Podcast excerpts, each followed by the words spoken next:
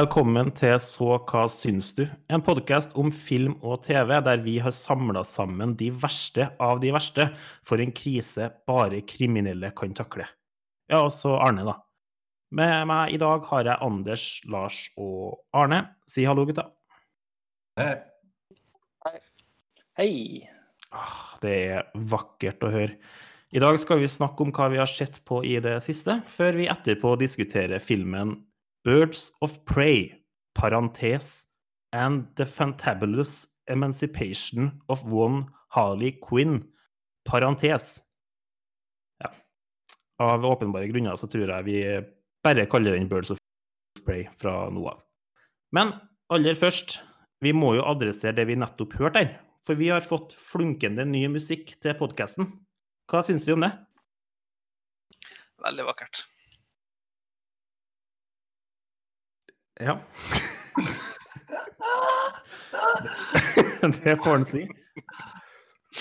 Det er veldig fint. Anders, det er jo du som har stått eh, på her sammen med en kompis, eller var det flere? Fortell litt om eh, Yes. prosessen og eventuelt hvem du jobber med. Ja, den eh, introen vi hadde var jo veldig gratis, da. Så jeg tenkte jo kanskje at det var nice at vi hadde noe nytt. Som òg var gratis. Eh, som for så vidt òg var gratis. Eh, ikke stort budsjett her. Det er mer Um, gratis snylta på, og det er en bedre enn gratis Ja. bare lasta ned. Mm. Jo, men det var liksom Ja, jeg, jeg møtte en kompis, og så um, lagde vi det sammen. Og da føles det jo litt mer eget òg enn det her Nintendo 64-viben jeg fikk av den, eh, den gamle. Det er litt sånn når flere snusere er samla i samme rom, så er det ikke sånn at alle tar og forsyner seg fra sin egen eske. Det er bestandig fire som snylter på den femte. Det smaker sikkert mye bedre.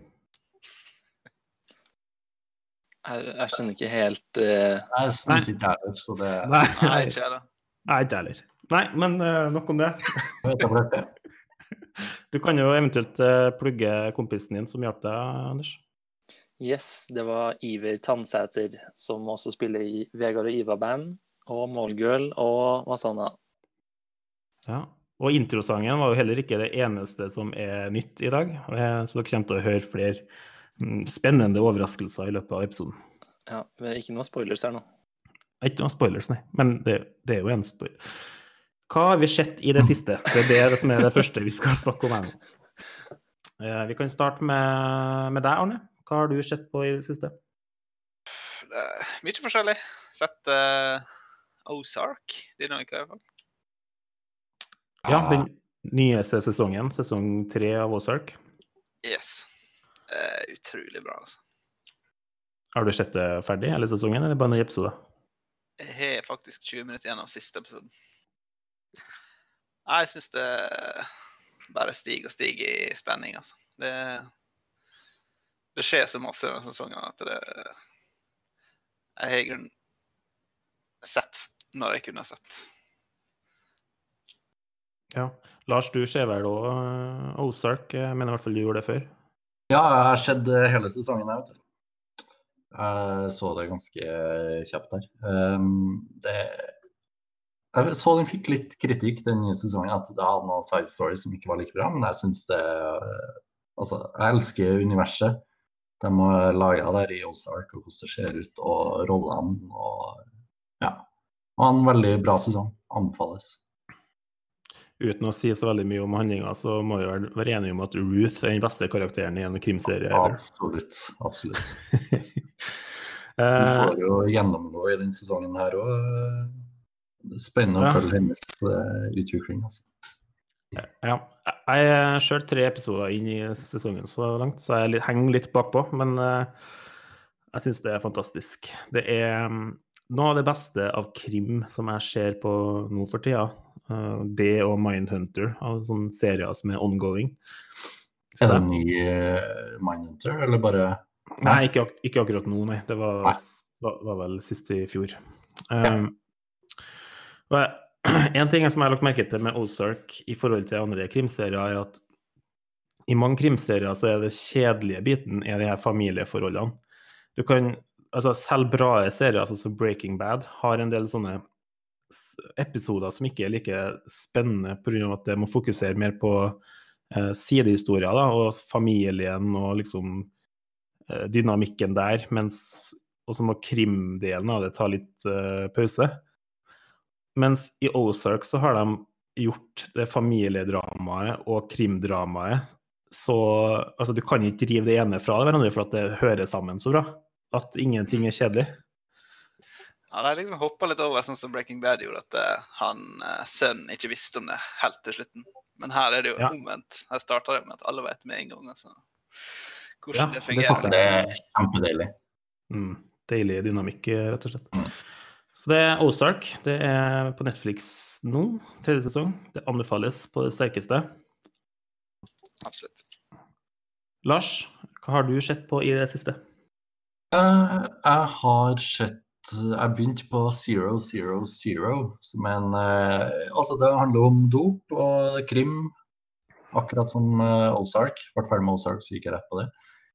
Um, går på HBO Nordic, kom ut i februar eller noe sånt der. Um, det handler om uh, en, sånn unormalt stor shipment med kokain som går fra eh, Mexico til Italia. Og uh, tar for seg alle livene den shipmenten uh, både tar og er innom. Veldig sånn brutal, bra serie. Ja, det eneste jeg har hørt om Zero Zero fra Zero Zero Zero, unnskyld, at det handler om dop og litt sånn som du sier. Men er det da litt som Narcos, eller er litt som Euphoria? Det, uh, ingen handler om dop, men det er veldig forskjellig. dem. Ok, Eh, Det handler ikke så Jeg har bare sett to episoder, så jeg skal ikke si sånn bombastisk. Men uh, det handler ikke så mye om brukerne ennå, sånn som Euphoria. Og, og det er ikke sånn Narcos har en mer sånn underholdende stil, da. Um, hvis dere har sett eller hørt om uh, Gomorra, det er en sånn italiensk TV-serie som tar for seg narkofolket i Napoli og mafiaen der. Det samme skaperne um, som gjør Zero Zero Zero. Og da, er det en journalist der som har gått uh, veldig undercover på det italienske narkomiljøet. Så det er veldig sånn realistisk og gritty fortalt, altså. Jeg vet ikke helt hva jeg skal sammenligne det med, men uh... Nei, for 'God morgen' er jo en serie du har uh, bedt meg å se i kanskje Ja, så lenge jeg har kjent deg, kanskje. Så det, men det har jeg jo da ikke gjort. Det ene, her er det jo meksikansk og italiensk og engelsk som snakkes, og det er noe deilig med å se noe som ikke er amerikansk eller norsk. Det er liksom, du har dem, du har dem eh, Los Angeles-serien, og så har du dem New York-serien. Og så er det liksom variasjon. Men med en gang du drar til Italia eller Mexico eller Ozark, så får du jo noe helt annet, en helt annen look. Eller sånn som Breaking Bad gjorde, den dro til Arkansas, er det ikke? Nei, Ja, Jo. kanskje. en New Mexico. Arizona. Arizona. Eh, og det bare gir en helt ny, frisk look på ting, og det, det elsker jeg. Ja, kult. Er, det, er hele sesongen ut, eller er det still Ja, going? åtte episoder ut på HBO, så vidt jeg har forstått. Ja, nice. Anders, da? Har du sett noe artig siste i karantene? Eller i påska? Eh, ja, jeg har jo sett en av dine favoritter, Daniel. In Bruges. Oh. Undercover i brygge, som det heter på norsk. Ja, en, en veldig god eh, tittel. Det er nesten Flott, sånn eh. Hjelp, vi er i brygge. Ja, flott oversettelse, syns jeg da. Mm. Um, og for dem som ikke vet, så er det en krimkomedie med Colin Farrell. Og jeg syns den var overraskende bra og veldig morsomt. Jeg så den alene, men jeg flirte høyt for meg sjøl. Så det, det gikk fint. Ja, Men det eh, gikk fint. kanskje ikke være så politisk korrekt da når man ser den, for det er litt sånn Humoren kan jo kanskje føles litt utdatert eh, nå i disse politisk korrekte tider, da. Men eh, Ja, det, det er litt eh, Det er noen vitser som gjør narr av eh, Uten å spoile nå, kan gjøre narr av fasonger til folk og litt sånne ting. Men jeg føler at filmen er flink til å gjøre narr av litt av karakterene som sier det samtidig. Ikke at det liksom er en sånn Ja, det her er greit å si, eksempel. ja, enig. Det, det føles veldig køddete og veldig sånn Det skal være artig å si det, men det skal òg være litt feil å si det, på en måte. Så de gjør det veldig harmløst sånn, så det syns jeg bare var artig. Ja, nei, det, det som du sier, det er absolutt en av mine favorittfilmer gjennom tidene. Og det, det er fordi den er så artig, som du sier. Det er veldig mye komedie i den, men så er den òg eh, veldig mørk til tider. Så har, det er sånn klassisk mørk komedie, rett og slett. Og så er det Eh, jo masse skuespillere som har vært med i Harry Potter, så det er kanskje en liten slags spin-off på det, da. ja. Føles veldig hjemme i Harry Potter-universet, den filmen. Jeg føler det er en sånn filmschool student eh, classic. Ja. Sier du at jeg er litt sånn stereotypisk eh, filmstudent eh, Ja, ja, det sier jeg. på første, første benk som rekker opp hånda? Sånn, ja, jeg har sett Fight Club! Jeg har sett Fight Club! Ja, det er jo som i Fight Club, da Har du sett Fight Club? Det, det er en litt sånn en. Har du sett In Bruges? ja, men bror er litt den, den burde være like sint som Fight Club, spør du meg, men det er ikke det. Ja. Nei, bra. Bra du endelig følger opp uh, de her anbefalingene, Anders, sånn som jeg ikke gjør med Lars sine. Eh, jeg har sett eh, etter anbefalinga til Arne siste episode, så har jeg sett Ti. Tiger King.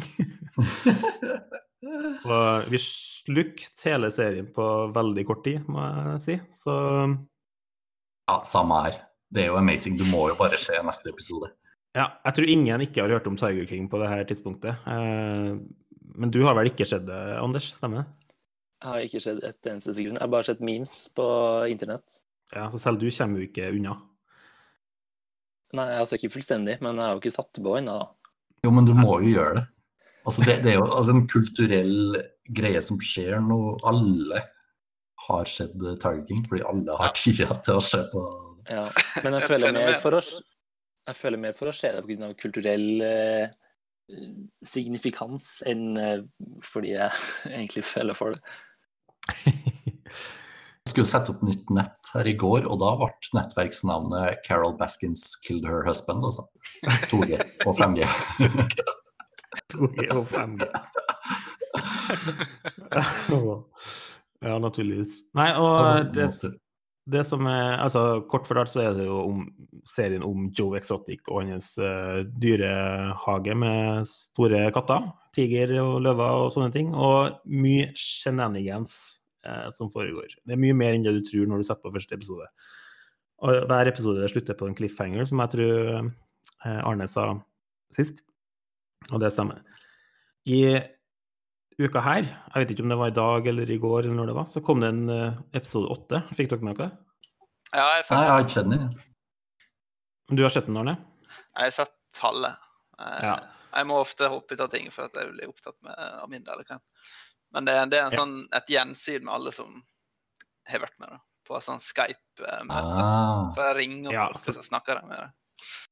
Og det er selveste Joel McHale som styrer det. sitter, hjemme, sitter hjemme og har én på én intervju, eh, facecam, med, med de store personlighetene fra serien. Det, så det er ikke en, det er ikke en fullverdig episode. Man kan ikke eh, ha skyhøye forventninger men det er litt artig å se og høre fra dem eh, hvilken påvirkning eh, serien har hatt på dem nå, da, de, de to ukene her. Og han, Carol eh, Baskins får jo gjennomgå, kan jeg se for meg. Ja, og det var synd at ikke de har fått noe De ville sikkert ikke uttale seg noe mer etter den serien nå. De har jo blitt klippa til Ja. De har, de har jo Hva skal man si? De har ikke gjort dem en tjeneste, de serieskaperne der. Carol Baskins og han. Nei, men samme gjelder jo han andre zookeeperen, han Jeff Lowe. Han blir jo litt uh, Ja. uh, hengt ut i serien, men han stilte opp, da. Så det er jo Ja. litt, litt forskjell på folk. Um, De har jo vært veldig snille med Joe, Joe Exotic, fordi jeg har lest at de hadde klippa bort alt av rasismen, og det var visst ikke en enkel jobb. Uh, det kommer et par uttalelser der, sånn Du kan se klipp på nettet hvor han er ekstremt rasistisk, og så kommer eh, noe du har sett fra serien. Så han har jo åpenbart liksom unngått det for å få han til å se bedre ut. Og han er jo blitt en kulthelt, liksom. Jeg har jo prøvd å sette opp sånn at alle liksom skal være Hater på likt nivå, nesten.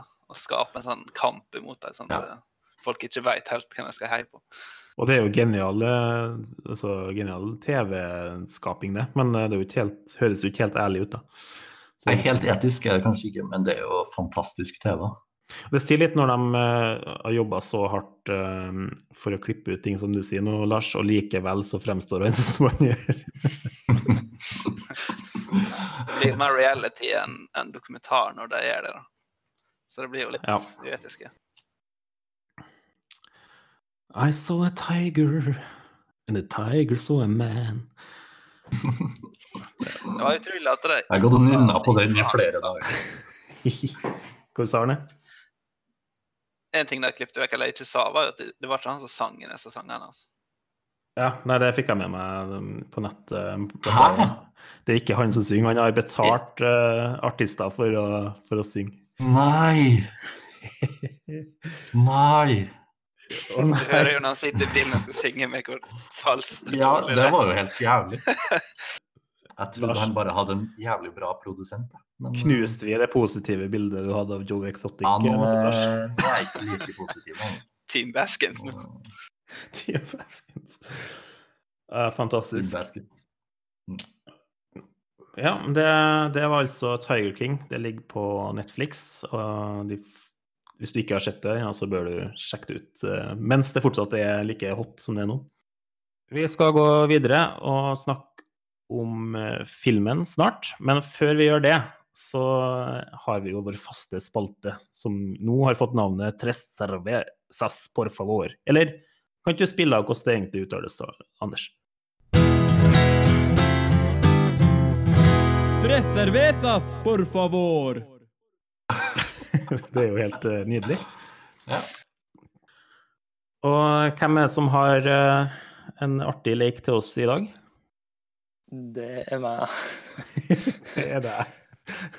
Sa jeg med stor selvtillit. Yes, det gjorde du. Um, ja, OK. Denne runden med tres cervezas er et konsept som er kjent for oss, men som vi ikke har gjort på podkasten enda. Men som er én quote, én stemme og én location fra en film. Fra tre forskjellige filmer. Og så skal dere Går for den, ja. Du går for filmstavmikseren. filmstavmikseren, ja. Og det er da for- Forklar det en, en gang til. Så vi, vi må gjette f.eks. hvilken eh, karakter det er fra én film, hvilket sitat det er fra en annen film, osv. Og Ja, så en, altså det, og en eh, setting da, fra en film. Ok, så det er tre her- filmer. Ja, så alt det her er det er tre forskjellige filmer. Og så når jeg har sagt eh, settinga og eh, med en veldig flott stemme sagt eh, sitatet, så skal dere finne ut hvilke tre filmer det var fra. Ok. Ok. Um, OK.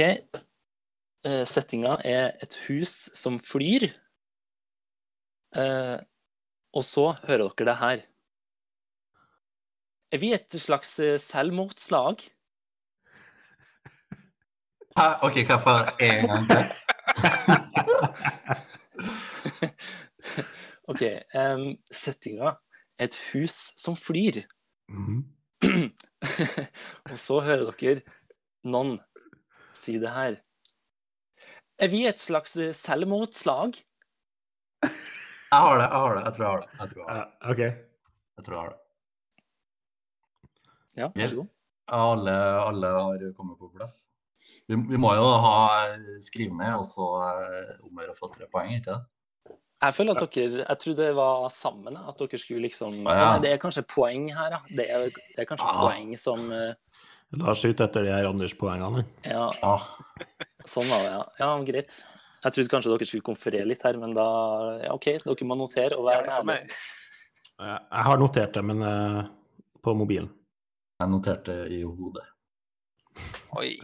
Husker det. OK, men Lars, hvis du føler deg så sikker, kanskje du skal være til slutt, da? Ja. Fasiten til slutt. ok, skal jeg prøve meg først, da? Ja. Fi, uh, settingen er fra Up, et hus som flyr. Og uh, det du sier, er quoten, er fra Suicide Squad. Og karakteren er Sid fra Istid. Arne? Ehm, jeg skrev Up og Suicide Squad, men jeg hadde ikke den siste. Men jeg tror er sin rett. Lars? Filmen Up, uh, quoten Suicide Squad, uh, karakteren Sid. Samme som Daniel. Det var riktig. Så da blir det tre poeng på Daniel, to poeng på Arne og tre poeng på Lars. Du skal notere det i uh, oversikten din. Det her er notert. For, det, for dere som hører på, så har Anders en, eh, et Google Docs med et veldig sofistikert eh, tabell med poengene. Både Anders-poeng, Lars-poeng, eventuelle Arne-poeng, kanskje Daniel-poeng. Som vi aldri vet om kommer til å bli brukt. Og samla poeng. Og samla poeng. Mm. Herlig. Bra innslag eh, det, Anders. Da kan vi gå videre til filmen vi skal snakke om, som da er Birds of Prey. You know what a harlequin is? A harlequin's role is to serve. It's nothing without a master. No one gives two shits who we are beyond that.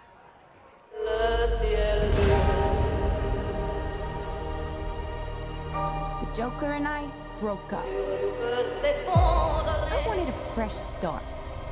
But it turns out I wasn't the only Damon Gotham looking for emancipation. Spectacular news! Miss Quinn, she belongs to me. Who are you guys?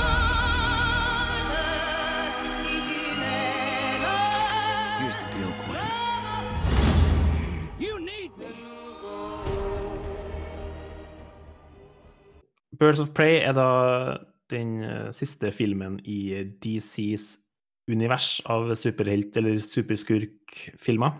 Eh, den tar opp uh, handlinga fra Suicide Squad, kan du si. Eh, det handler om Harley Quinn, som nettopp har slått opp med jokeren, og eh, blir med i et nytt eh, skurkelag, på sett og vis. Eh, regien er Cathy Jan, og det er Margot Robbie som er tilbake som Harley Quinn. Og det er noen andre store skuespillere med, som Ian McGregor, Mary Elizabeth Winstead osv.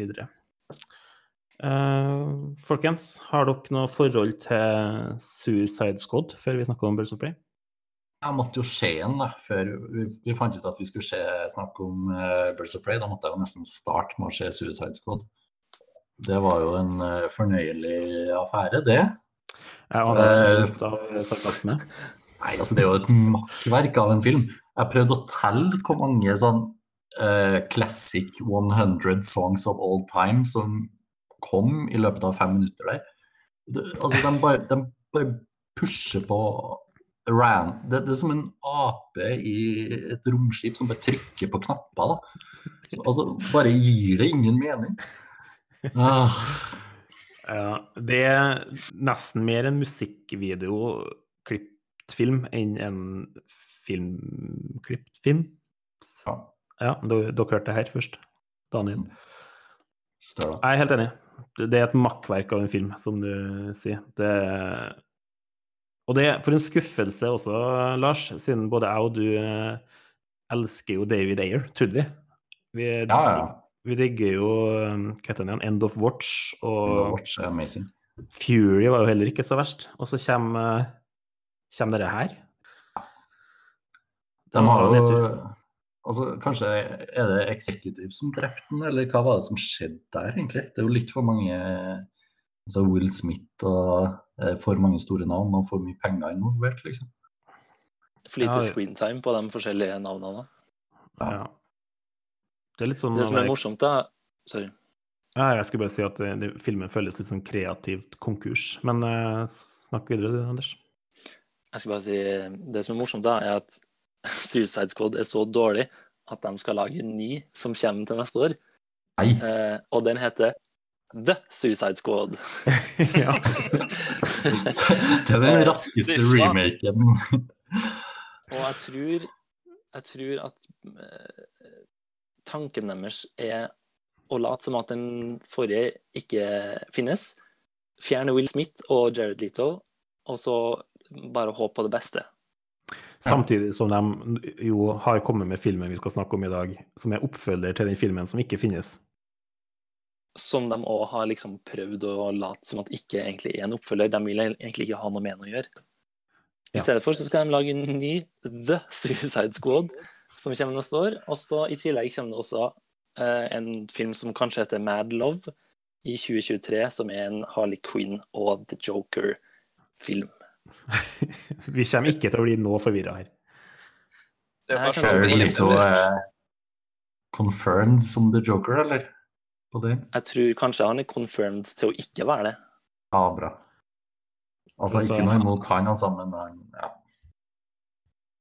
Nei, Men- altså men eh, På IMDb, hvis du går ned og ser på More Like This på Birds of Prey, så er ikke Suicide Watch der. Nei, su ja, Suicide Squad der. Fantastisk. Det er artig òg med det Suicide Squad, er jo at eh, de har eh, hyrt inn en som de tror kan få gjort det i gangen her, og det er jo James Gunn, som allerede har laga Guardians of the Galaxy. Så de, de prøver jo bare å gjøre det så oppskriftsmessig som mulig.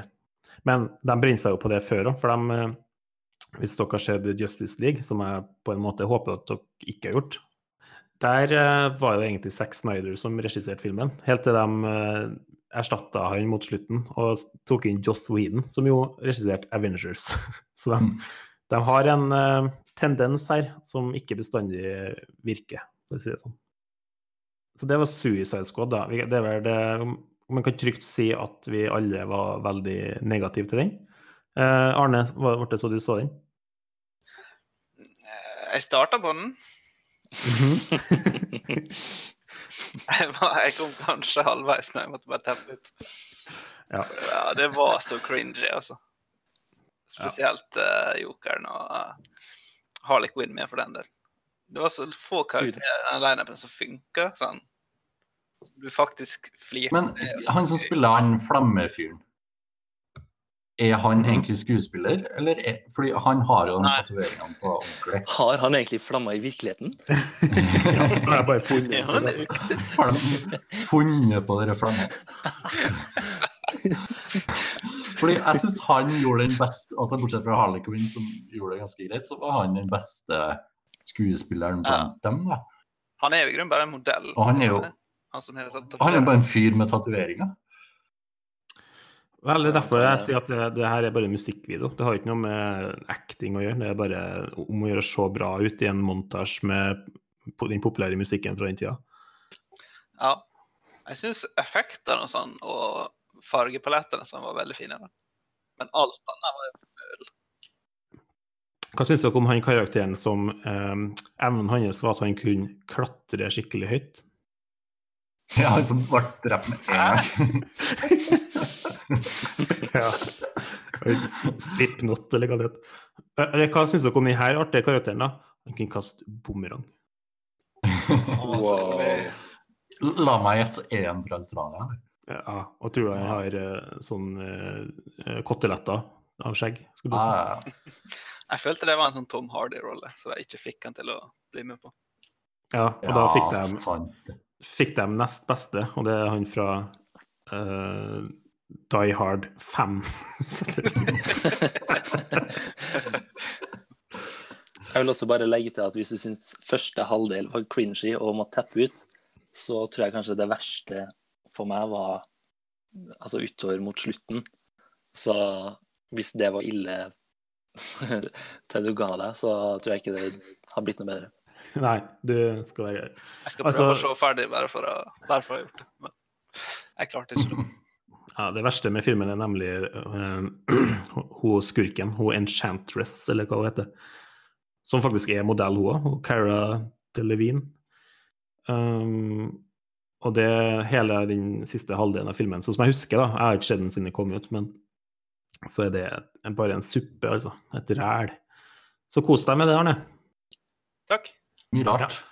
Det er Det mye er rart. sånn, de, de har en sånn klassisk eh, Fordi de eh, er veldig godt bevokta av masse bad guys, og så plutselig så er de bare slåss mot alle bad guysene, og så sniker de seg innpå Enchantress og helt ubemerka tolv mann rett rundt hjørnet.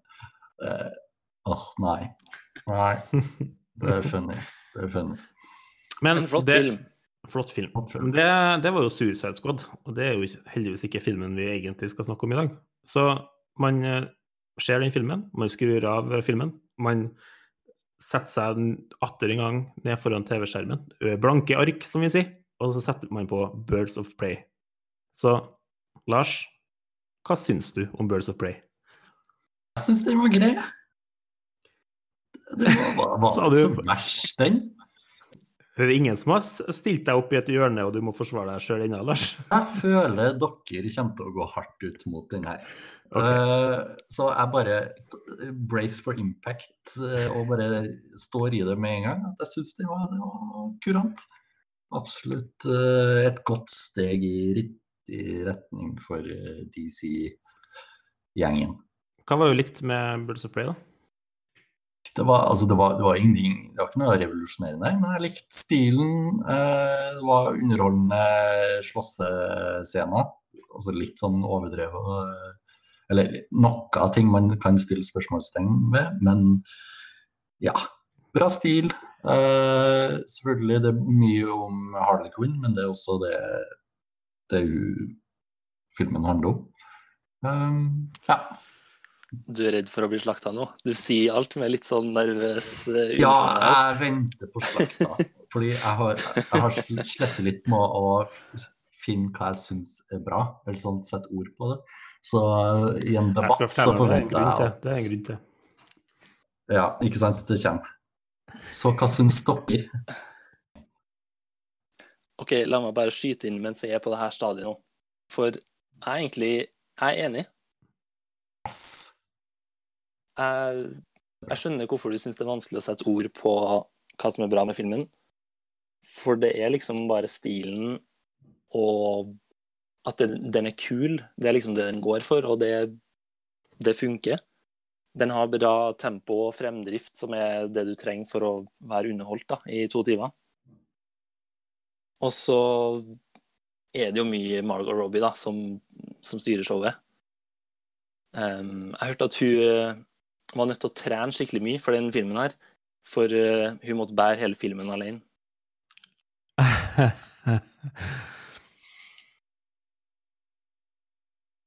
Arne, du? Jeg syns iallfall ikke at hun berte filmen. Men uh, jeg syns ikke den var for Jeg klarte å fullføre filmen, da. Men jeg syns faktisk den var ganske grei. Selv om jeg Men hadde så en du del bare siste halvdelen? Så du bare la den på på Suicide Squad-starten? Ja, jeg trekk det fra det jeg så på Suicide Squad. da. Var det, var det feil?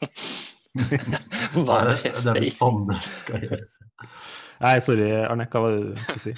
Uh, nei, altså Jeg syns det var masse, masse flere tidspunkt jeg flirte og syntes det var gøy, enn i Suicide Squad, der det ikke var noe som var gøy. Altså, i Suicide Den her henger jo sammen som en film. Ja. Det er jo et stort steg opp fra forløperen. Forløperen finnes ikke. Det er ikke noen forløper. Nei, det, Men jeg har hørt at de skal, lage en snart, pre de skal lage en prequel til neste år. Blir det her litt sånn som Star Wars? Sånn, Ja. Eh, prequel. sequelen blir skikkelig dårlig, den også, så folk går tilbake og elsker på prequel. Prequel, som man sier. Nei, men det er jo Altså, de refererer jo til Suicide Squad, så det er jo, må jo Man må jo anerkjenne at det er en oppfølger, selv om de i den anerkjennelsen av Suicide Squad prøver å distansere seg ved at uh, det starter med at uh, Harley Quinn uh, ja, slår opp med jokeren. Jeg skulle til å si noe mer spoiler der. Så er det jo fortsatt en oppfølger, vil jeg si. Ja, også at de ikke bruker noe klipp fra forrige film til å gjenfortelle historien.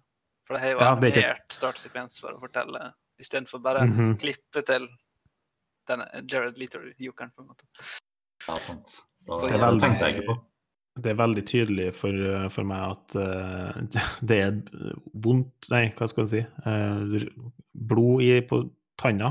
Ta, blodsmak på tanna. Blod på tann. Tann, tann på Blod på blod. tann. Eh, for eh, Jared Leto og DC. De er ikke helt på lag eh, etter det. Jeg tror Jared Leto var veldig misfornøyd med at uh, Joaquin Phoenix fikk sin egen jokerfilm istedenfor han. Han var ikke han helt crazy på sett også. Med sånn derre eh, method acting i hermetegn. Han leverte rotte på døra til en annen skuespiller, liksom. Død rotte. Han har jo, må jo tydeligvis ha sett for seg noe helt annet, Jared Leto, i og med at han gikk så langt. Og så Det har- det har vært en miskommunikasjon der et eller annet sted. Fordi Ja. en annen har de bygd opp filmen annerledes og, og hadde med mer og kanskje Jeg vet ikke, hadde alle vært sånn, så kanskje det hadde funka. Men det er jo åpenbart noe der som Ja, jeg føler han ble, måtte ha blitt pusha til å liksom gjøre dem mer Hva skal jeg si Sprø. Teit sprø. Både at jokeren liksom er en sånn riking med Lamborghini og sånn, det er jo ikke Jeg vet ikke hvordan det er i comicsa, men det, det er ikke det jeg forbinder med jokeren. på en måte.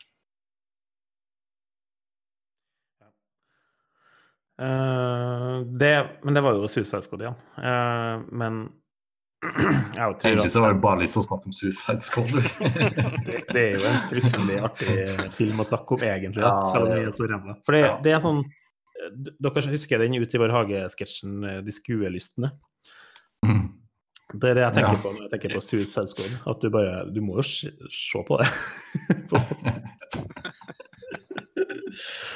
Ja.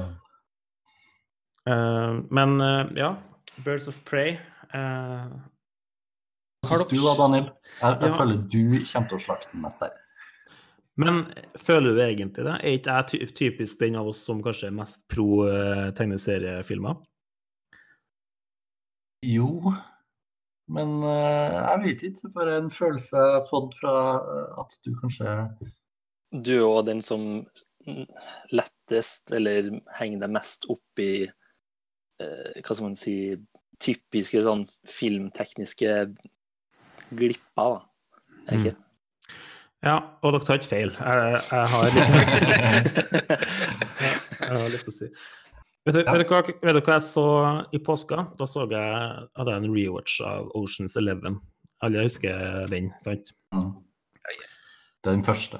Det jeg liker, ja, det jeg liker med Oceans-filmene, og filmer som Oceans, er at det starter alltid med Hei, jeg er karakteren du skal bli kjent med først, men jeg har en plan som krever et galleri av karakterer. Og nå får vi en uh, sekvens der dere ser at vi rekrutterer de her karakterene.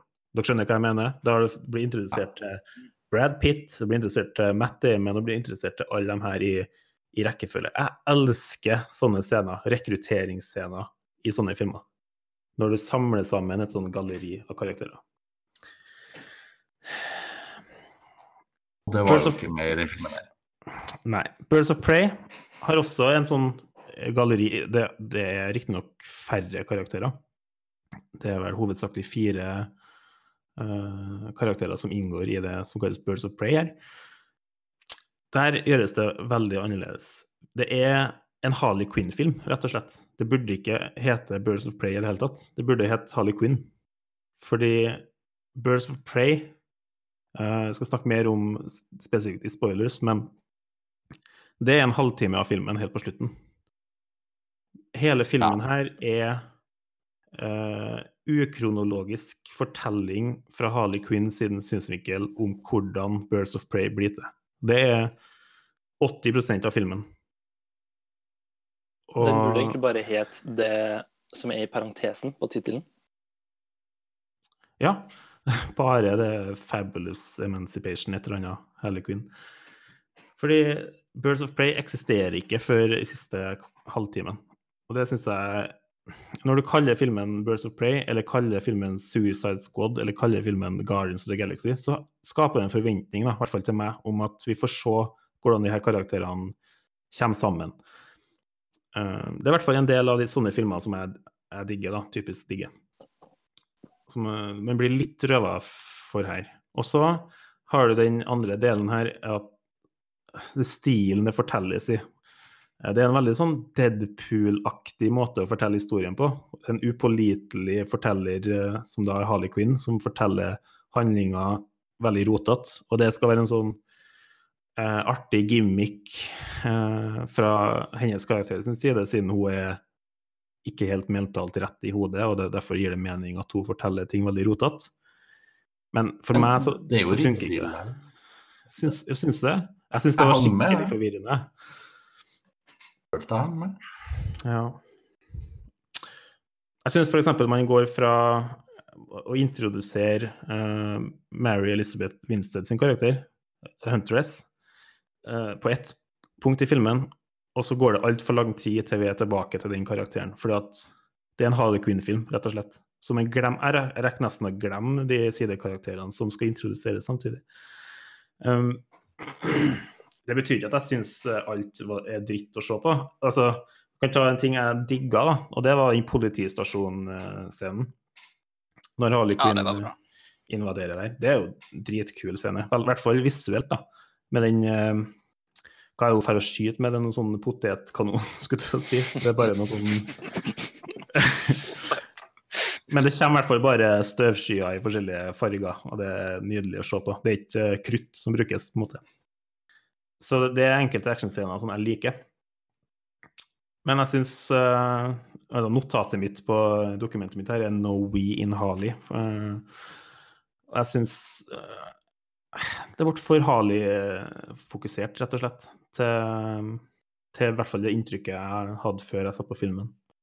Men er det et problem av filmen at det bare handler om hun, eller Jeg følte at det var bra, at det bare handla om hun for det er hun som er stjerna, og det er hun som er grunnen til at de lager den filmen her, føler jeg. Jeg er enig at den kanskje burde ha hett bare det som er i parentesen, og ikke Birds of Prey. Samtidig som det kanskje de tenker at ja, men det her er måten du får se hvordan de blir samla, eller, eller noe sånt. Men Ja, jeg synes skulle også- si, Er det her et problem filmen har, eller er det her et problem Daniel har? det, det er et problem Nei, jeg jeg har med filmen. Jeg likte, ja, jeg likte ikke Jeg liker ikke karakteren så veldig godt, da Harley Quinn-karakteren. I det hele tatt. Så jeg syns ikke det funker så veldig godt når hun skal fortelle veldig masse og Og uh, hva skal jeg si Snakke Snakke generelt. Jeg, syns det er bare ikke bra. Nei. Ja, jeg føler det motsatte. Jeg syns den karakteren er kul, og jeg syns det er den karakteren som er hele filmen. Og alt annet blir litt sånn Hun er hele filmen. Uh, jeg syns bare at hun uh, Jeg syns bare at hun faktisk fungerer bedre i Suicide Squad når hun er en, uh, en karakter som er litt mer likestilt med andre karakterer, enn når hun er uh, senteret av hele filmen. Sentrum. Jeg syns Synes Margaret Robbie puller det off, men jeg er enig i at det kanskje Hun, hun fikk skinn mer da i Suicide Squad, hvor ingen andre ting skinn. Jeg tenker bare at hun var det eneste lyspunktet i Suicide Squad, og at her har de bare prøvd å fjerne alt det andre og sitte igjen med hun, for hun var det som funka. Ja. Og for meg så var det en bra Alle asshotsene som var i Suicide Squad, det var ikke så mye av det i Birds of Prey. Eh, Der ser du jo bare forskjellen på en mannlig og kvinnelig regissør, da, tipper jeg. Altså, for å si det ganske blunt, så tror jeg det, hun blir framstilt veldig sånn seksuelt i den eh, Suicide Squad, i motsetning til her. Så det, akkurat det syns jeg jo er en forbedring, da. Men Det var jo Men mange jeg- shots på hun Black Canary, da, for eksempel. ja. Men jeg føler at problemet heller er at voiceoveren er overforklarende. Og at Mhm. altså, man snakker jo vanligvis om, om voiceover på den måten, men her har de jo bare ikke brydd seg om det i det hele tatt. Og de kjører jo bare hele greia som en gjenfortelling og tenker kan vi bruke voiceover mest mulig? Og jeg er enig i at det blir sykt vimsete, og jeg føler at det er der problemet Eller i hvert fall for meg, da. Det er der Ja. problemet ligger, da, og ikke i den karakteren. For jeg syns karakteren er kul, og det er hun som driver filmen. Jeg er enig. altså Margot Robbie er født til å spille Harley Quinn. Det er ikke noen tvil om det. Jeg syns hun er perfekt casta som Harley Quinn, og jeg syns hun gjør en bra jobb som Harley Quinn. Det er vel litt mer sti stilen her jeg har problemer med, da.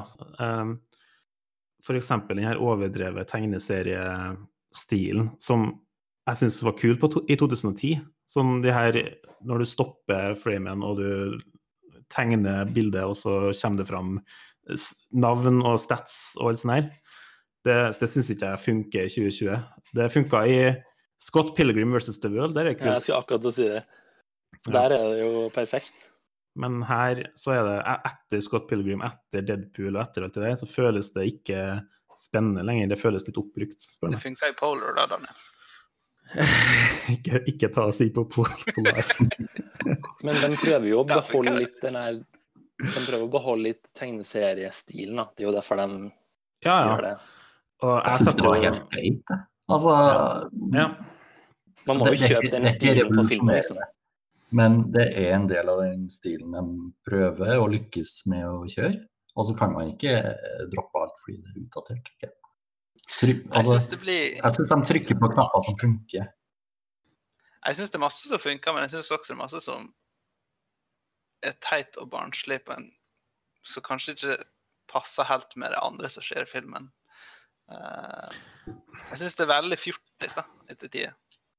Jeg tror jeg skjønner hva du mener. Altså, for det første så er det en, det er en R-rated film som har rom til å være ganske Ja, har, ja og du merker ikke noe til det.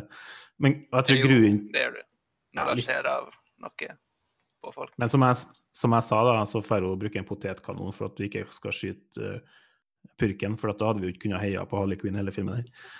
Nei, ja. Men det er, jo, det er jo derfor de gjør det. For hadde det vært, eh, hadde hadde vært eh, en Batman-film, og Harley Quinn var en av eh, fiendene i filmen, så hadde hun jo vært mye mer brutal enn hun er her. Men vi må, her må vi på en måte kunne heie på henne samtidig. Det, så det skjønner jeg. Det er et film altså det er et taktisk grep for at vi skal heie på henne gjennom filmen. Men Jeg vet ikke om det kunne funke om det hadde gjort henne mer brutal. Om det hadde vært litt mer voksent. Og... Jeg skulle til å foreslå hadde den vært bedre om den hadde vært R-rated. Og så er Ja, den ene. jeg, jeg syns ikke det er brukt Jeg er brukt nok til at det uh, kanskje var verdt det. Altså, jeg tenker at den hadde sikkert tjent mye mer på Den var ikke så lenge på kino, men den hadde sikkert tjent mye mer på å ikke være R-rated. Når det ikke Det var, var så jo, mye. det var jo bare ei scene som liksom skilte seg veldig ut på det.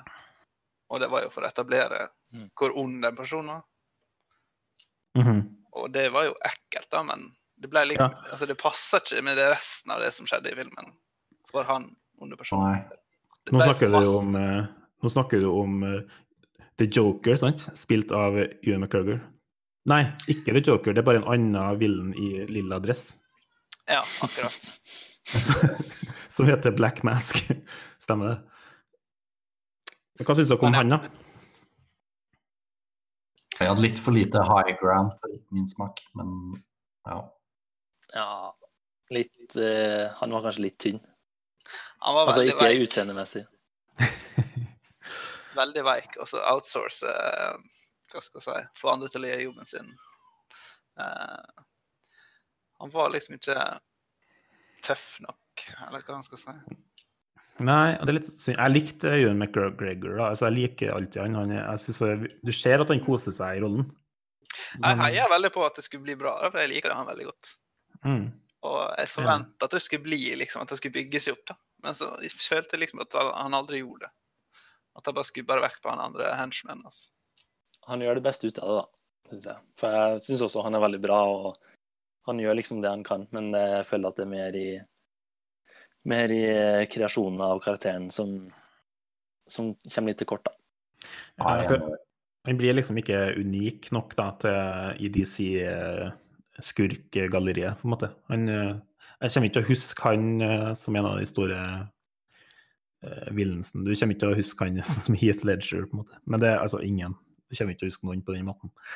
Jeg føler han var eh, I Parks and Rec så har du han eh, John Ralphio. Han bortskjemte drittungen der. Han, det var bare han i DC uh, supervillain-form. Bare en sånn bortskjemt dritt med altfor mange penger. Nei. Ekstremt impulsiv, da. Han hadde jo en litt artig scene. Jeg tror det var den scenen du snakka om, Arne, den introscenen til han som er ganske grotesk, da, men som han eh, Der han jo eh, ombestemmer seg veldig impulsivt, da, basert på små ting, som er litt artig. Nei, ja, nå vet jeg ikke helt om det Nei, det er ikke sikkert det er sånn. Eh, Det er litt spoiler, da, så jeg kan ta det, ta det da heller. Ja. Vi, kan, eh, vi skal bevege oss over til spoilers, men vi kan ta en litt uh, oppsummering av hva vi alle syns igjen. Uh, er, så er det her en film dere ville ha anbefalt, uh, Lars? Absolutt. Eh, underholdning, ballespark, Harley Quinn. Ja, morsomt. Hva mer kan du, hva, hva mer kan du be om? Ikke sant. Jeg likte stilen. Um, ja. Ja. Mm. Jeg gleder meg til å se fortsettelsen. Kanskje jeg lærer litt. Har litt å bygge på. Altså, jeg er mest negativ her, merker jeg, men jeg kan i hvert fall si, si meg enig i at den her har en bedre eh, gjennomført stil enn eh, alle DC-filmene i det universet her før den. Og det er en positiv trend at det er litt mer artig å se på, ikke bare dystert og kjedelig. Så jeg, sånn sett så er jeg enig i at den ikke var bare ræva, liksom. Hva syns du, Anders? Så syns du den er anbef en anbefaling verdig? Ja, altså jeg ble i hvert fall pos positivt uh, overraska. som vi var inne på, er stilen og sånn kul. Uh, Margot Robbie er kul, og alt sånn funker veldig bra. Den, men den snubler litt i eh, med voiceoveren og sånn, som vi snakka om. Um, og så Altså, vi snakka om ballespark, men jeg tenker jo at det er bra med all den her post metoo-bølgen og sånn, men det gjør det ikke til en bra film at uh, alle de her damene klarer å banke opp en sånn helt sinnssyk mengde med menn, liksom. Men, uh, men kul for de. Eh, også ja, I forrige episode så var vi jo litt negative i spoilerseksjonen. Um, og at det var der det fikk slakt. Ja. Så jeg kan jo tease en liten negativ i spoilerseksjonen. Uh, coming right up. Men, uh, men ja, overall er jeg fornøyd. ja. Arne, sier du deg enig i, i Lars Anders her, eller er du litt mer negativ som meg? Jeg lener mot negativ, men eh, jeg kunne liksom eh, Til visse folk så kunne jeg recommende den, sikkert. Men det er ikke for alle, vil jeg si. Um, vi kan eh, gå litt mer i detalj om det vi syns i spoilerseksjonen. Hvis du ikke har sett filmen, så bør du selvfølgelig ikke høre eh, spoilerseksjonen. Men jeg kan si fra om at uh, filmen er Den var på kino en kort periode, men den ligger nå på Viaplay og YouTube. eh, så du kan sjekke den ut der og komme tilbake. Da ruller vi spoilers nå.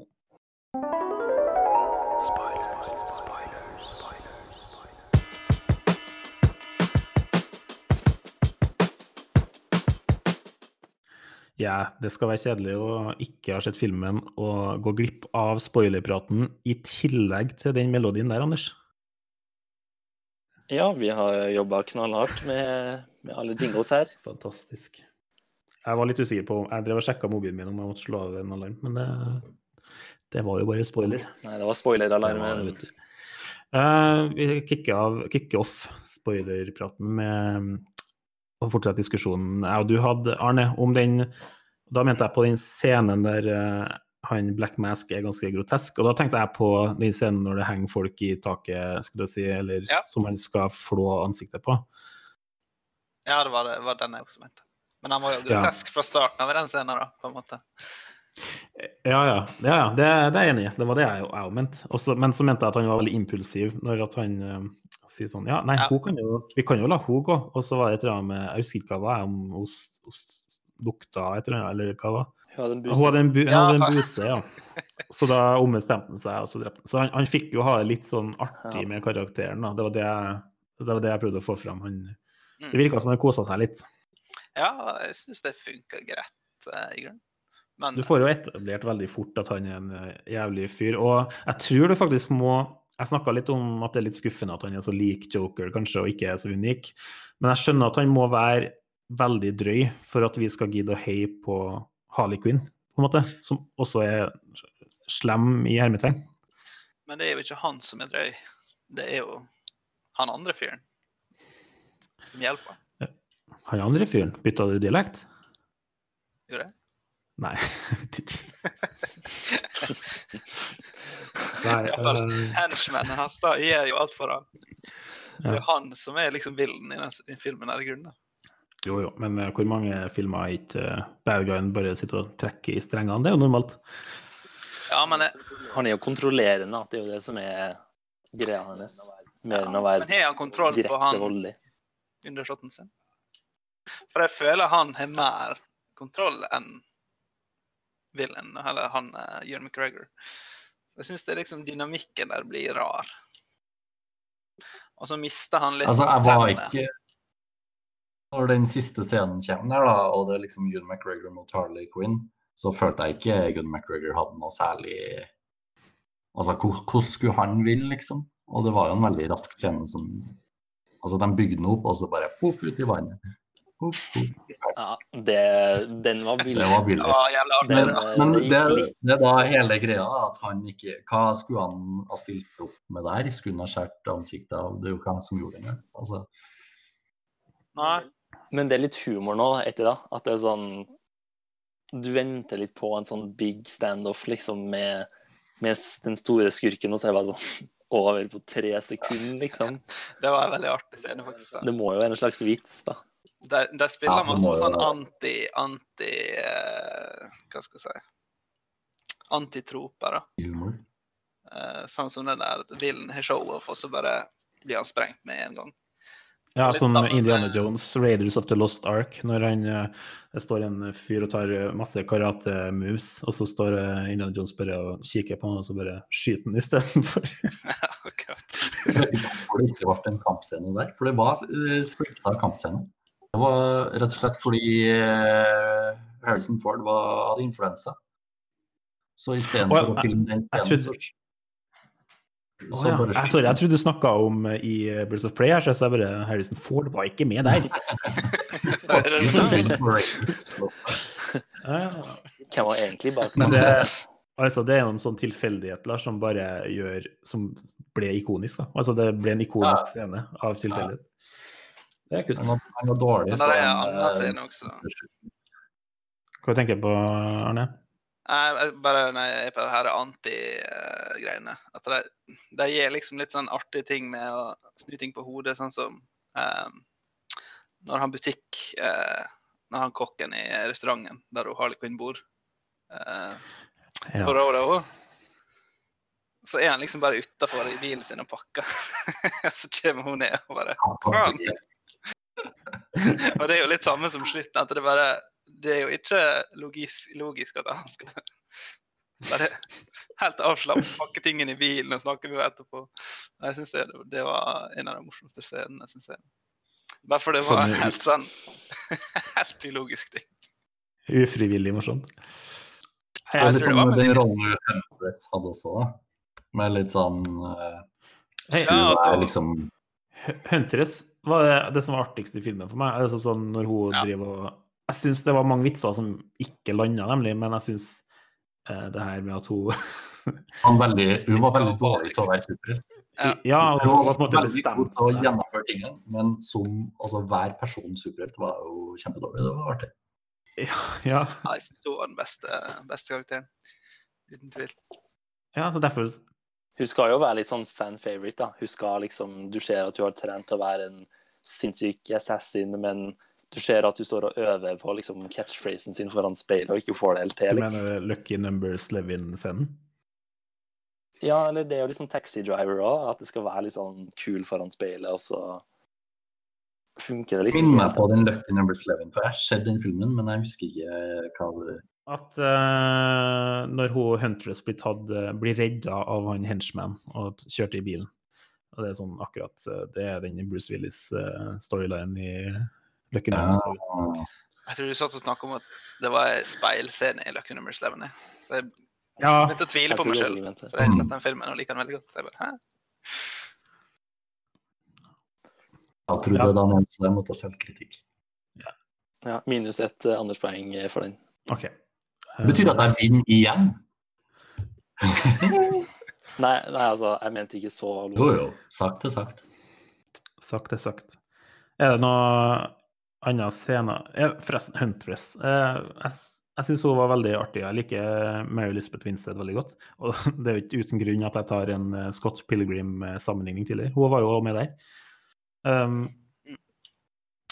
jeg syns bare at det er en av de faktorene som blir litt manglende, da, når at eh, det ikke føles ut som en Birds of Prey-film, men en Harley Quinn-film. For at vi kunne ha fått mer av eh, dynamikken mellom dem alle, liksom. Her, Ja. Så mitt største problem, da, vi kan jo få det ut av, ut av veien uh, før vi kanskje finner noe mer positivt å snakke om, er jo da at de bygger opp til denne scenen, den actionscenen på slutten, i det her uh, Jeg vet ikke om det skal være en sånn plass som vi kjenner til fra Harley Quinn og Joker, Det er sirkus-karnevalplassen her. Er det på en måte en sånn staple det føltes ut som at vi skulle synes at her er det og her er et sånn klassisk Joker Harley Quinn-plass. Jeg vet ikke om det var bare jeg som følte det. Eh, det skal jo sikkert være det, da. Ja, Det må jo ha noe med stilen din å gjøre, og klærne hun har på seg og sånne ting, at det er inspirert fra Nå har ikke jeg lest tegneserien, men ja. Så får vi en sånn eh, Mexican standoff der, alle sammen peker pistol på hverandre, skulle jeg si, og sa hei, vi er alle sterke kvinner, la oss eh, band together. Også den eh, ungen, da.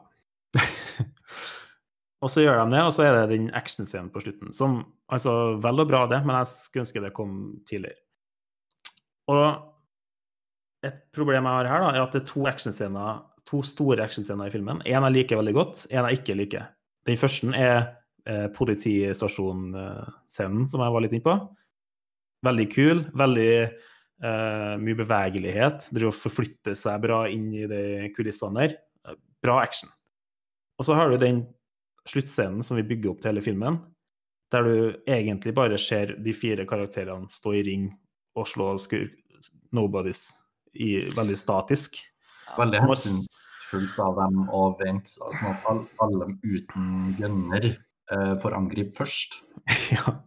Jeg vet ikke, til meg så ble det I forhold til den eh, kule actionscenen tidlig, så ble det kjedelig å se på. Er det bare jeg som følte det sånn? Nei, det var jo ganske teit scene, for det var jo mange som bare for og hoppa. Det var som å se på en lekeplass, liksom. Og det var jo på en måte på en lekeplass, men jeg vet ikke om det var noe de prøvde å gå for. For det virker som de går for masse sånn anti-ting, der ting liksom ikke Ja. skal funke. Så jeg vet ikke om det er meninga eller ikke. Men den har jo litt stilen, som du var inne på, til Harley Quinn og, og sånn, og de der tungene som stikker ut av den liksom Jeg syns i hvert fall den ser fin ut. Jeg trodde du skulle si noe annet om den scenen, for jeg har skrevet ned i mitt notat eh, egentlig fra basically den samme scenen. Um, men etter at de har drevet banka opp dem der, så står alle de folkene som faktisk har eh, gevær og sånn utafor. Og da er det litt sånn Oi, her, nå har vi ikke noe sjans. Og de stikker av med ungen. Hjelp, hva skal vi gjøre nå? Vi trenger en løsning. Og så kommer hun der med killer voice-greia si, og bare Alle blir blåst av sted igjen, liksom. Hva Fordi de Altså, det er ingen Jeg har hørt at eh, Jeg har sett et par sammenligninger med Joker, den Joaquin Phoenix-filmen. Mhm. Og at den har litt annen stil eh, på en måte enn vanlige superheltfilmer. Mm -hmm. Um, den er litt mer sånn uten så mye superkrefter da, og litt mer sånn realistisk på et vis, da, selv om det er jo litt, litt heftig slåssing og sånn, kanskje, da. Men, uh, men den er litt mer nedpå, da. Helt til den ut av det blå kommer den der killer voice-greia som Det holdt på å ødelegge filmen for meg. så Det var det, var det absolutt verste. Jeg har Altfor mange filmer som faller for den sidekarakter med bazooka som kommer og redder dagen når alt ser tapt ut. Det er bare sånn Ja. Jeg likte det, men det, det er kanskje fordi at jeg Jo, for jeg er eneste som sikkert uh, Visste dere hvem Black Canary var før dere så filmen? Absolutt Nei. ikke. Så jeg satt jo og venta på at hun skulle bruke kreftene sine. Så det var kanskje forskjellen, da. For at jeg visste at hun egentlig har superkrefter, og er eneste som ikke gjør noe. Ja, kanskje hvis man forventer det, så er det liksom Men hvorfor bruker de så mye tid på å banke opp alle de folkene før det, da? Hvis hun bare kunne ha Ja, blæsta Fordi hun er veldig prinsippsterk, liksom. og hun skal ikke være som mamma. Åh. Åh, det, åh, nei, det, det ødela alt for meg, altså. Ja. Jeg fikk sånn Kung Fu Hustle-flashback når jeg så den. Ja. Hvis det her har vært stilen til Kung Føsel, så det har vært så mye mer om bord. Ja. Det er absolutt en av mine favorittfilmer. Altså. Nei da, så poenget mitt var bare at jeg syns det er rart at i samme filmen så har du så to forskjellige måter å gjøre action på. og Den ene syns jeg var veldig kjedelig, den andre var veldig bra. Jeg har òg hørt at en del av reshootsen til filmen her ble håndtert av John Wick. eh, eh, enten regissør eller stuntkoordinator eller Er ikke det samme person i John Wick? Jo, jo, jo. Regissøren var en stuntkoordinator som bare Du, skal ikke lage noe kult, da? Og så lager han John Wick. Ja, han var i hvert fall med og bidro til noe action her. Og jeg, jeg håper det var den scenen som jeg syntes var bra, for at eh, det minner i hvert fall mer om John Wick enn den siste. Men den gikk i hvert fall ikke i fella til Suicide Squad. Der, uh, sorry for oss Eller skal jeg, skal jeg unngå å spoile det for deg, Arne? Bryr du deg? Uh, jeg så en sånn fem minutter recap rett etter jeg skrev den av. så jeg tror det går bra. Fordi den, slutter, den Suicide Squad slutter jo på så, som så mange andre superheltfilmer gjør, med en blå stråle opp i verdensrommet. Eller blå, blå stråle som skyter opp i lufta. Oi, nå, nå smelter verden. Så vi slapp i hvert fall det. Det var litt mer sånn uh, intim historie og holdt seg til Gotham, og det, det likte jeg. Og sånn som du sa, Anders, at, det, at den blir sammenligna mye med Joker. Jeg syns både Joker og den her har en veldig bra sånn New York-stil. Uh, Margot Robbie går jo mye hardere på dialekter her enn uh, i Suicide Squad, merker jeg. Og det, det syns jeg funker. Det er kult. Snakker om eh, eh, lokal mat og sånn bagels Nei, ikke bagels, men sånn uh, smørbrød og sånn. Det, det syns jeg funker. Mm, mm. Enn eh, dere da, Anders eller Arne, har dere noen sånne scener som stakk seg ut veldig? Uh, ja, altså Favorittscene syns jeg jo var den uh, politistasjonen som du snakka om. Uh, men der også er det jo liksom Den er kjempekul. Og så når den er ferdig, eller helt på slutten, så det, begynner de med voiceover-greia hoppe tilbake igjen før de kan hoppe frem igjen. Og da var jeg liksom midt inne i den kuleste scenen, og så ødela de det. Men det ble jo kult igjen når de hoppet tilbake, da. Men men da var liksom momentumet litt uh, brutt, syns jeg. da. Men, uh, men før det, da, så syns jeg det var den beste, den beste scenen. Og så likte jeg i tillegg, jeg vil bare tilføye på starten, når hun sprenger den greia, eh, som liksom hevn på Joker, og den sangen 'Jokes on You' var på, det syns jeg var Det er topp notch. Ja. Kanskje billig, men jeg syns det, var- det funka bra. Ja, jeg syns jo helt enig med favorittscenen og sånn. Men eh, det er litt som du sier der, da, at eh, den stilen de forteller i, tar deg litt ut av det plutselig. Når du er i de kule delene av filmen, så bare ja, spor tilbake. Hvordan kom vi hit? Det, det syns jeg sjelden funker bra, da. Det kan funke bra. Det kan funke sånn som i Fight Club eller Memento, men eh, jeg syns ikke det funker så bra her. Men jeg syns òg det funker bra noen ganger når hun Uh, når hun sier f.eks.: eh, OK, så jeg har ikke fortalt det til alle ennå. Uh, når han sier 'hils eh, jokeren fra meg', liksom, og, og sånne ting. Så man, når man føler den vimsinga hennes, eller hennes personlighet i fortellinga, da er det greit. Ja. Men det er så mange ganger at det hopper sånn fryktelig mye frem og tilbake, der hun bare sier 'Å, jeg glemte å fortelle om det her', og så bruker man en halvtime på en karakter man ikke har innført ennå. Da, da blir det litt for mye. Ja, de kunne jeg stokka litt mer om, så det var mer, litt mer kronologisk, kanskje. Ja. Nei, altså Det er jo en form man kan leke med og kan få til veldig bra. Så det er ikke formen i seg sjøl som er dårlig, men eh, Men det er jo det Joker gjør bedre òg, at den er enda mer Altså, det her er jo en karakterdrevet film, det òg, men den er liksom mye mer sånn psykologisk, da. Og jeg vil påstå at den er mye mer kronologisk òg. Så man følger mye mer følelsene til en person, da, og blir mye mer investert i det, da, og ikke hopper så vimsete rundt. Ja, tror du en sånn Harley Quinn-film kunne ha fungert? Altså gjort det på samme måte som eh, Joker? Bare fortalt eh, om hennes uh, sinnstilstand og litt sånn sånne ting? Jeg tror det har vært en mye bedre film, og den kunne ha vært på samme plan som, som Joker, tror jeg. da. Hvis man også, man, men altså, hun har jo en helt annen personlighet, da, sant? så det ville jo naturligvis vært mer action og mer galskap, liksom. Men det hadde jo bare vært kult, for da hadde du fått de actionscenene du har beskrevet at du liker så godt. Og så kunne man også fått litt mer innsikt i personen, og ikke så mye rundt om med Huntress og de andre, selv om det er greie karakterer. Det er jo en, allerede en R-rated film, så hvorfor ikke bare gjøre det R-rated? Gå all out, liksom. Ja, altså, du, du bruker ikke R-rated-stempelet bare for den der eh, fjesavskjæringsscenen, liksom. Nei, det er litt det jeg savner med henne også, at det, hun har liksom ingen av den tyngda bak seg som du liksom leter etter. Det blir veldig sånn Lol, I'm so random. Fjortis. eh, det blir helt sånn Det er ingen tyngde i hvorfor hun er crazy, liksom. Hadde du hatt en sånn seriøs oppbygging av henne, så hadde du hatt mer uh, Nå har jo det det i den filmen som ikke finnes, da. Men der er det jo helt forferdelig. Så For hun er jo en comic relief-karakter i, i en annen film. Altså, i, hvilken som helst annen film så ville hun ha vært en, en side-karakter, og da hadde det funka greit, liksom. Det blir vanskelig å, å gi henne Det er derfor at du har det her ungen som hun må passe på og sånn. Men jeg, synes ikke, jeg klarer ikke helt å føle at hun eh, er en god person, eller sånn at man vil heie på henne, eller Jeg vet ikke helt. Det, du, du handler i en sånn rar gråsone der du ikke vet helt hva du skal føle om henne. Jeg er helt antihelt heller. Nei, sant? Er ikke det litt kult, da? At hun er litt gråsone, og hun Jo. er litt både snill og slem? Jeg syns det var bra, men, men eh, ja, jeg tror, jeg tror likevel at den hadde vært mye bedre hvis den hadde gått mer da, i samme retningen som Joker-filmen. Jeg tror det hadde fungert bedre hvis hun var mer bipolar, at hun liksom flippa litt personlighet. At det ikke var liksom på midten hele tida.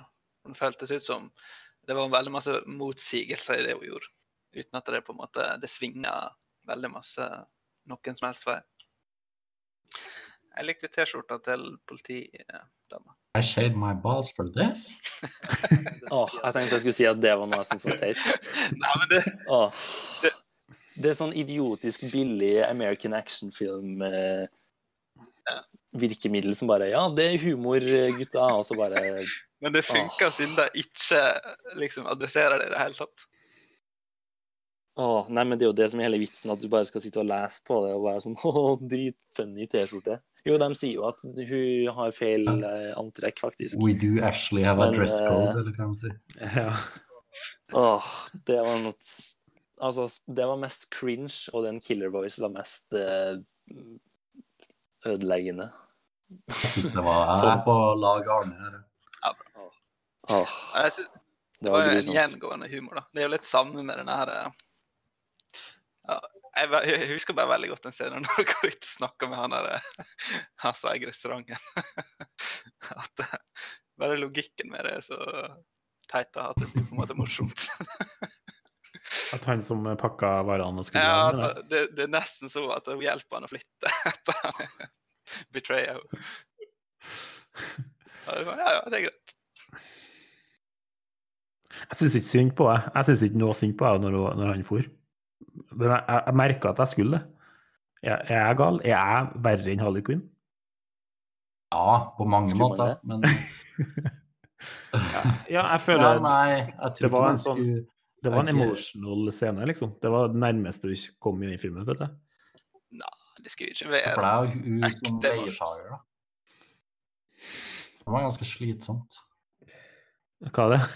å ha Harley Quinn som leietager. Ja, det, det skal være slitsomt. Å var hyene inne hjemme. Det, det er ikke helt greit. Mye, mye styr. Jeg, jeg var på Ja, jeg hadde ikke hadde ikke så mye følelser for Harley Quinn da, jeg heller. Jeg følte at hun innså at hun på en måte fortjente at det var litt sånn Ja, ja, du gjorde det du måtte gjøre, men Og det var kanskje litt kjipt for meg, men eh, det skjønner jeg. Men øh, øh, opps, oppsummert, da, så syns jeg jo Sjøl om jeg har vært uh, kjedelig og negativ hele episoden, så syns jeg jo at den er mye bedre enn Suicide Squad. Og, den, og det, det, den har jo en sånn puls som du ikke kjeder deg gjennom. Jeg kjeda meg jo ikke mens jeg så filmen. Det var jo, Den beveger seg jo fort. De nesten to timene går fort, syns jeg. Ja, altså, jeg syns den er masse, masse bedre enn Suicide Squad. Ja, i hvert fall den første halvdelen. Ja. Så det, det var ikke helt Den er bedre enn andre halvdel. ja, Jeg skal ikke bedre. kommentere på det, men Enig. Nei, så jeg syns det er en uh, forbedring sånn sett. Så jeg er enig med deg, Lars, tror jeg var, som sa at det, det går uh, i riktig vei uh, med DC. Neste er jo noe Wonder Woman-sequel, da, så vi får nå se eh, hvordan den gjør det. Det var Birds of Prey, og det var alt vi hadde eh, den episoden her. Vi er som vanlig tilbake om to uker. Vi snakkes.